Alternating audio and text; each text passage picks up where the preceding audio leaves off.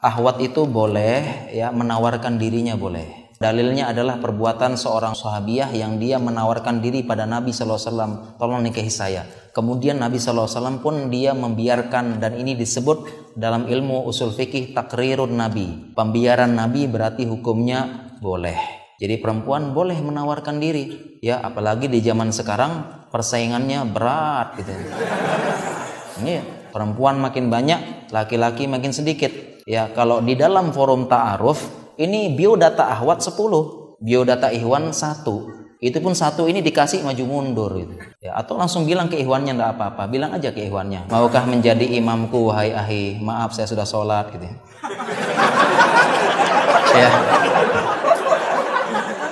Ya.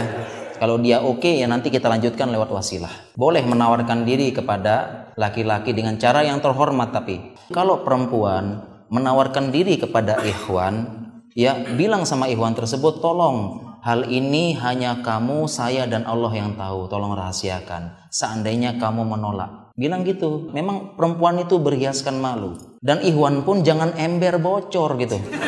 Ya Allah. Ada ini ya.